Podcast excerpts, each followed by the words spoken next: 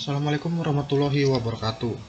Oke, kembali lagi bersama saya Anggar Juniarta dalam podcast saya Mapalah. Di podcast kedua saya ini mungkin lebih ke arah lanjutan dari podcast yang pertama kemarin ya, yang membahas kuliah sambil kerja. Harapan saya mungkin dengan podcast kedua saya ini bisa membantu kawan-kawan mahasiswa untuk mengambil langkah setelah lulus kuliah dan setelah wisuda ingin melanjutkan ke arah yang mana. Jadi di podcast kedua saya ini akan membahas tentang ketika kita sudah lulus ke arah mana kita selanjutnya. Berbisnis membuka usaha ataukah kita ingin menjadi seorang pekerja kantoran atau karyawan. Oke langsung saja, sebenarnya mau ke arah mana setelah lulus kuliah, apakah jadi seorang entrepreneur atau seorang karyawan, itu adalah pilihan kita masing-masing. Nah, pertanyaan tersebut menjadi tema utama dalam podcast ini, karena sebenarnya banyak sekali yang masih bingung ketika sudah lulus ingin ke arah atau melanjutkan ke arah mana. Nah, di kondisi ini kita masih bingung, kita masih galau. Akan menjadi apa kita dan apa yang akan kita lakukan setelah ijazah kita terima. Sebenarnya ada tiga hal mendasar yang harus dipersiapkan mahasiswa agar bisa mendapatkan pekerjaan yang kita idam-idamkan. Yang pertama yaitu kita harus menemukan potensi diri kita ini di mana, kita ahli dalam bidang apa. Kita lakukan itu semaksimal mungkin. Nah, yang kedua yaitu membuat kurikulum vitae yang baik dan benar, serta jangan lupa juga menarik ya. Dan yang terakhir yaitu mencari pekerjaan yang diinginkan. Jadi selain diinginkan sesuaikan dengan juga potensi diri kita. Jangan asal melamar pekerjaan, sesuaikan dengan potensi yang kita miliki. Sebenarnya tak penting nilai yang tinggi. Yang dicari perusahaan saat ini adalah orang yang aktif mengikuti kegiatan organisasi saat di masa perkuliahan. Nah, bagi sejumlah orang, kehidupan sebenarnya baru dimulai ketika lulus kuliah. Kenapa? Karena pada fase ini seseorang dituntut, seseorang ini atau kita mahasiswa dituntut untuk lebih dewasa dan bertanggung jawab, termasuk saat kita memutuskan hal yang berkaitan dengan karir kita ke depannya. Memilih bekerja ketika baru lulus kuliah merupakan pilihan ya bisa dikatakan cukup bijak. Mengapa? Karena dengan bekerja terlebih dahulu, kita bisa belajar nih untuk mengetahui seluk-beluk dalam bisnis yang ingin kita jalankan. Selain itu bisa menambah pengalaman kita. Kita juga bisa mengumpulkan modal, serta kita juga memperluas relasi yang mungkin nantinya bisa sangat bermanfaat untuk kita ke depannya dan juga bisnis yang kita jalankan. Sementara kalau kita langsung berbisnis setelah lulus kuliah, kemungkinan kita bisa menikmati kesuksesan di usia muda kita. Ya walaupun begitu, hal ini tidak bisa kita dapatkan dengan mudah. Berhubung kita belum punya pengalaman nih, dan kita juga belum punya relasi yang luas, serta kemungkinan bermasalah juga dalam urusan modal usaha. Jadi jangan heran ya, kita menemukan banyak kesulitan ketika kita baru membangun bisnis. Nah, sudah pasti ketika di awal kita berbisnis, pendapatan bulanan kita tidaklah tetap, tidak konstan segitu-gitu aja. Bahkan kita bisa rugi rugi banyak. Nah sementara jika kita bekerja sebagai karyawan kita akan lebih teratur karena punya pendapatan yang tetap. Namun yang jadi keunggulan kita jika kita berbisnis bisnis kita sudah tumbuh dan berkembang sangat pesat maka pendapatan yang bisa kita peroleh meningkat hingga berkali-kali lipat. Bahkan lebih bisa lebih di atas dari pekerja karyawan biasa ya. Nah jika ada tawaran untuk menjadi seorang pekerja kantoran dengan posisi yang baik, bagus, serta pendapatan yang menggiurkan, bagaimana? Ya, sebenarnya kembali ke tujuan kita awal ya, rencana kita awal bagaimana tujuan kita apa, tujuan masing-masing. Apabila memang sudah mantap atau sudah kita fix berbisnis saja sejak awal, mungkin menolak tawaran tersebut pilihan yang tepat. Nah, dengan catatan berbagai konsekuensi dan potensi kerugian dapat kita terima dengan lapang dada. Tetapi tidak ada salahnya jika kita ingin menerima tawaran tersebut. Karena apa? Tidak semua orang mampu menjalani kerasnya dunia bisnis ya. Dunia bisnis itu sangat keras ya. Bisa untung besar, bisa juga rugi bahkan sampai bangkrut. Sehingga saat ini menemukan jalur karir yang baik maka tidak ya kita tidak salah untuk mendedikasikan diri kita sebagai seorang pekerja kantoran ataupun profesional. Karena tidak jarang pendapatan seorang pekerja kantoran itu di atas level pebisnis kelas menengah ya. Nah, pada awalnya saat seseorang mendedikasikan dirinya saat kita mendedikasikan diri kita untuk berbisnis tentu akan mengorbankan banyak waktu sehingga ya sulit bagi kita selaku entrepreneur memiliki waktu luang untuk berlibur ini merupakan di fase-fase awal yang membangun bisnis. Ketika bisnis kita sudah berkembang sudah sukses maka waktu luang kita dan waktu libur kita menjadi hal yang sangat mudah kita dapatkan tentunya. Lain halnya dengan karyawan kantoran. Untuk berlibur harus menyesuaikan dengan waktu kerja atau menyesuaikan dengan jatah cuti yang dimiliki.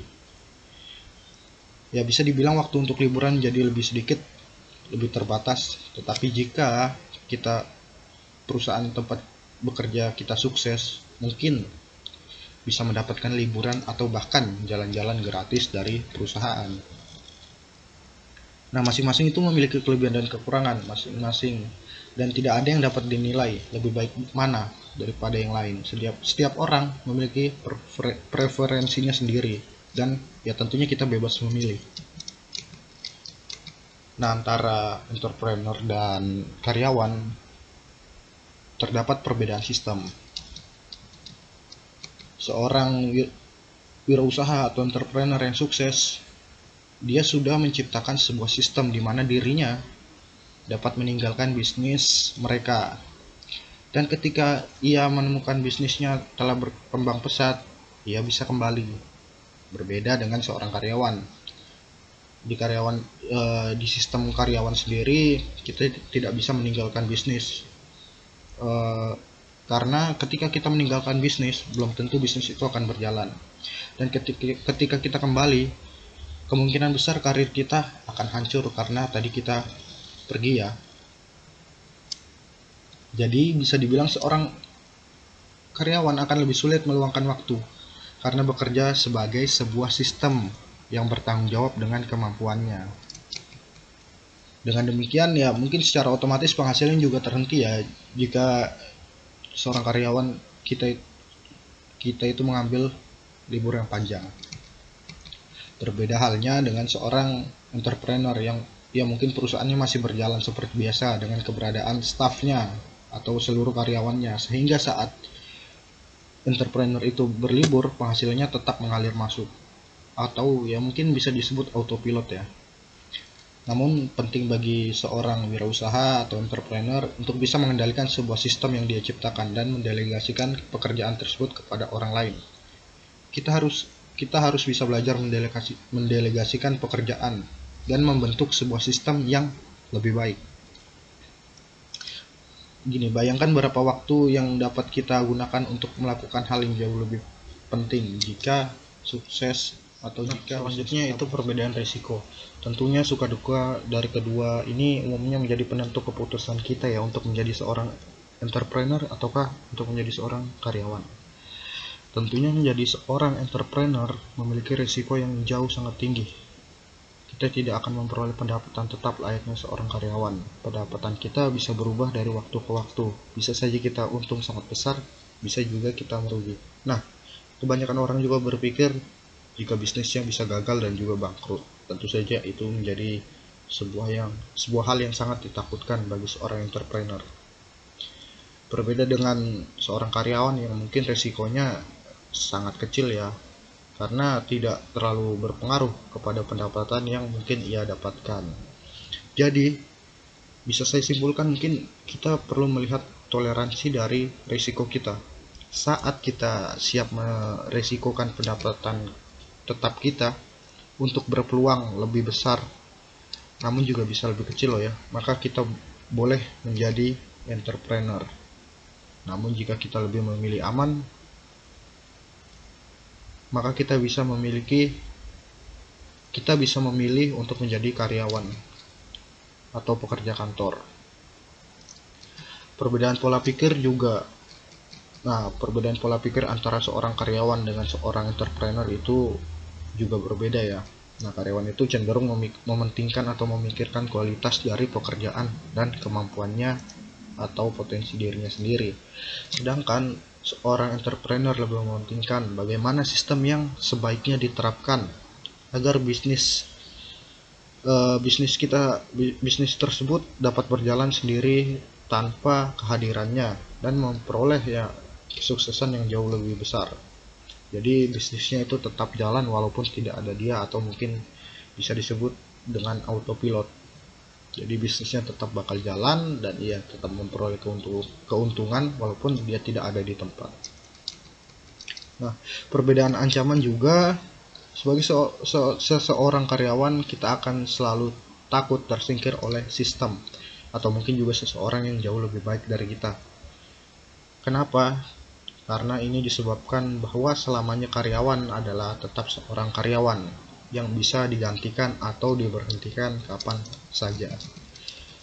Sementara itu, untuk seorang entrepreneur, kita tidak perlu takut dipecat atau digantikan karena kita selaku entrepreneur sendiri adalah seorang bosnya di atas diri kita sendiri.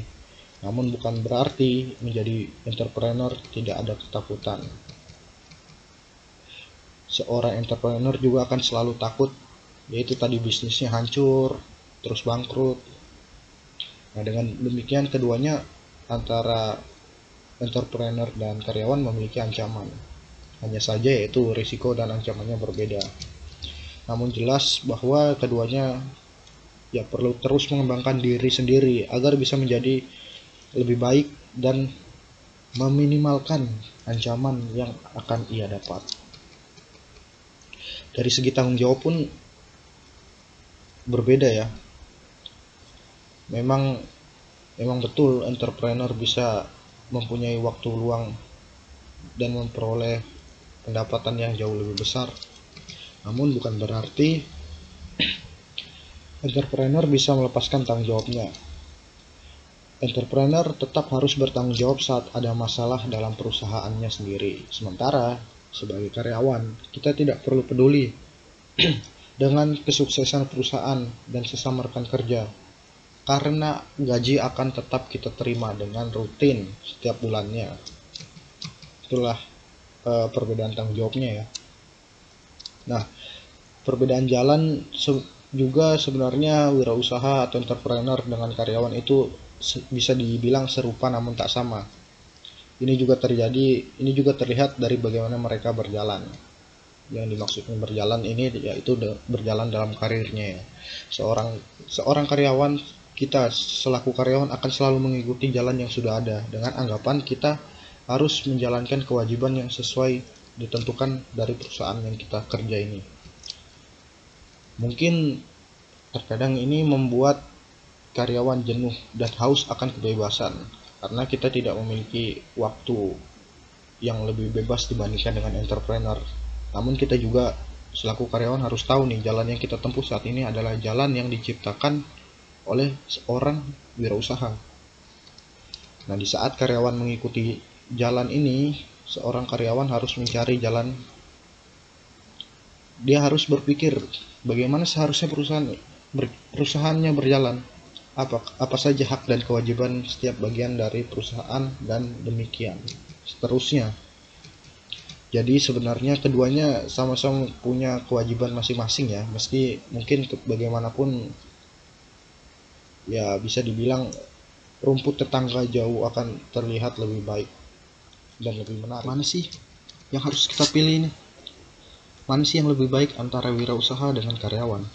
Nah, dari tadi kan saya sudah jelaskan dari segi ancaman, resiko, terus tanggung jawab, pola pikir, pola pikir, sistemnya juga dari wirausaha dan karyawan. Sebenarnya antara pebisnis dan pekerja ini memiliki beban dan kewajibannya masing-masing ya. Kita bisa memilih mana yang lebih baik. Sesuaikan dengan preferensi kita, apakah kita harus menjadi wirausaha ataukah kita harus menjadi karyawan. Nah, tentunya mana yang lebih baik itu tergantung dari diri kita sendiri ya jawaban kita sendiri. Kita harus sesuaikan dengan tujuan rencana hidup serta situasi kondisi kita. Dan jangan lupa tentang potensi yang kita miliki. Hanya diri sendiri yang tahu mana yang lebih baik untuk kita ke depannya. Ya mungkin itu aja. Harapan saya sih dengan podcast kedua saya ini bisa membantu mahasiswa. Saya juga sebagai mahasiswa untuk memilih mana sih yang mungkin lebih baik saya jalankan untuk ke depannya? Jadi bisa sebagai pencerahan ya. Jadi itu aja mungkin di podcast kedua ini kurang lebihnya saya mohon maaf. Wassalamualaikum warahmatullahi wabarakatuh